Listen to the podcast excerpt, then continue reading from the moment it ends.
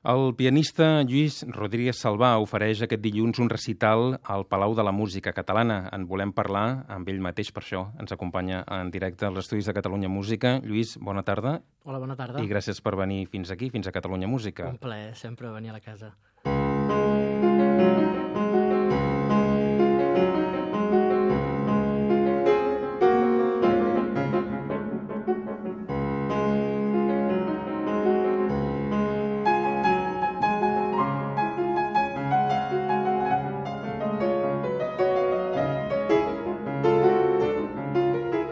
T'estem sentint, ets tu qui toques aquest fragment d'Ibèria. Sonarà eh, precisament en aquest recital que has de fer al Palau de la Música Catalana. Sí, Tocaràs... és la darrera obra Exacte. del programa, el primer quadern d'Ibèria, de, del Benis. Hem començat pel final, també hi sonarà Granados. Si vols, comencem, comentem una mica aquest recital.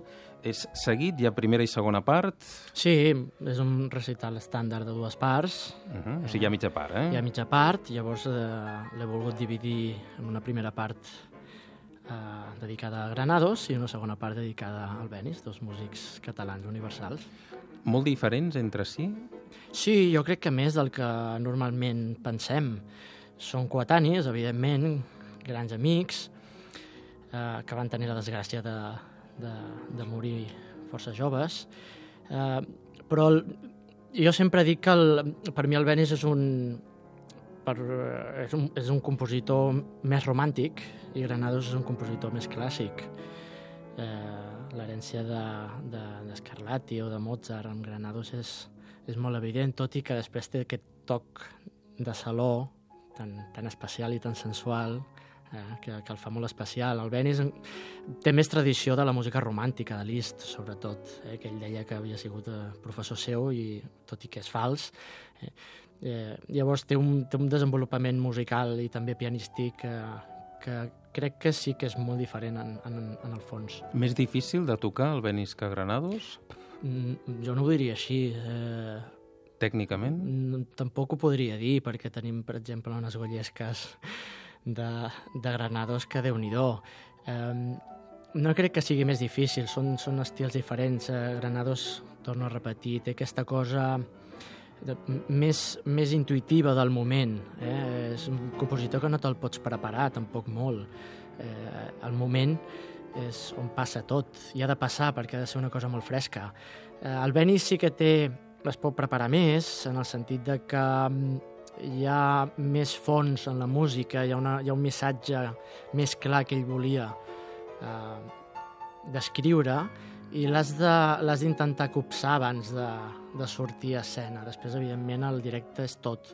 Eh, però en aquest sentit, eh, a vegades Granados és més, és més complexa perquè és més difícil en el moment donar-li aquesta cosa tan viva eh, que, que, que a vegades no, quan no hi és és més segur, eh? perquè uh -huh. que no te la jugues en el segon. Recordem que el recital és dilluns a les 9 al Palau ja hi has tocat, més d'un cop i més sí, de dos, eh? Sí, diverses vegades, sí, sempre és un plaer tornar-hi en aquest sentit.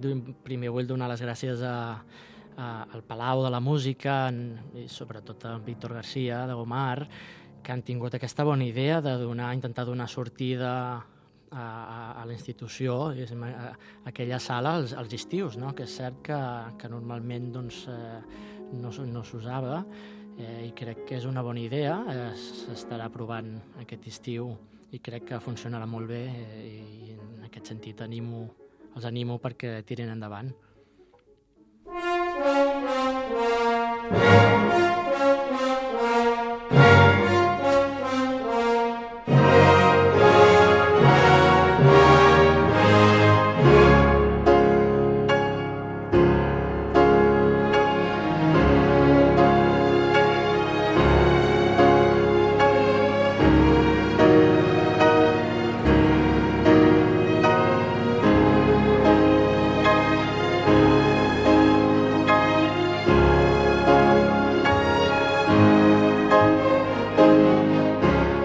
M'atreviria a dir que és el començament d'un concert per piano i orquestra, el més famós de tots, no?, aquest Tchaikovsky. Sí, sens sí o no? dubte. Realment és que el coneix tothom, inclús persones que no escolten música clàssica mai. Realment és un... Aquest inici és, és primer espectacular i després té aquella cosa única que fa que es pugui reconèixer. Inclús amb, només amb els acords del piano sense l'orquestra, molta gent ja sap quina obra és. Eh, difícil de tocar? És difícil, sí, perquè és, pianísticament és molt difícil. Eh, necessites certs recursos que si no els tens difícilment pots encarar l'obra, però al mateix temps és una obra molt agraïda, uh -huh. realment. T'estem sentint a tu, novament, amb la Gio Orquestra.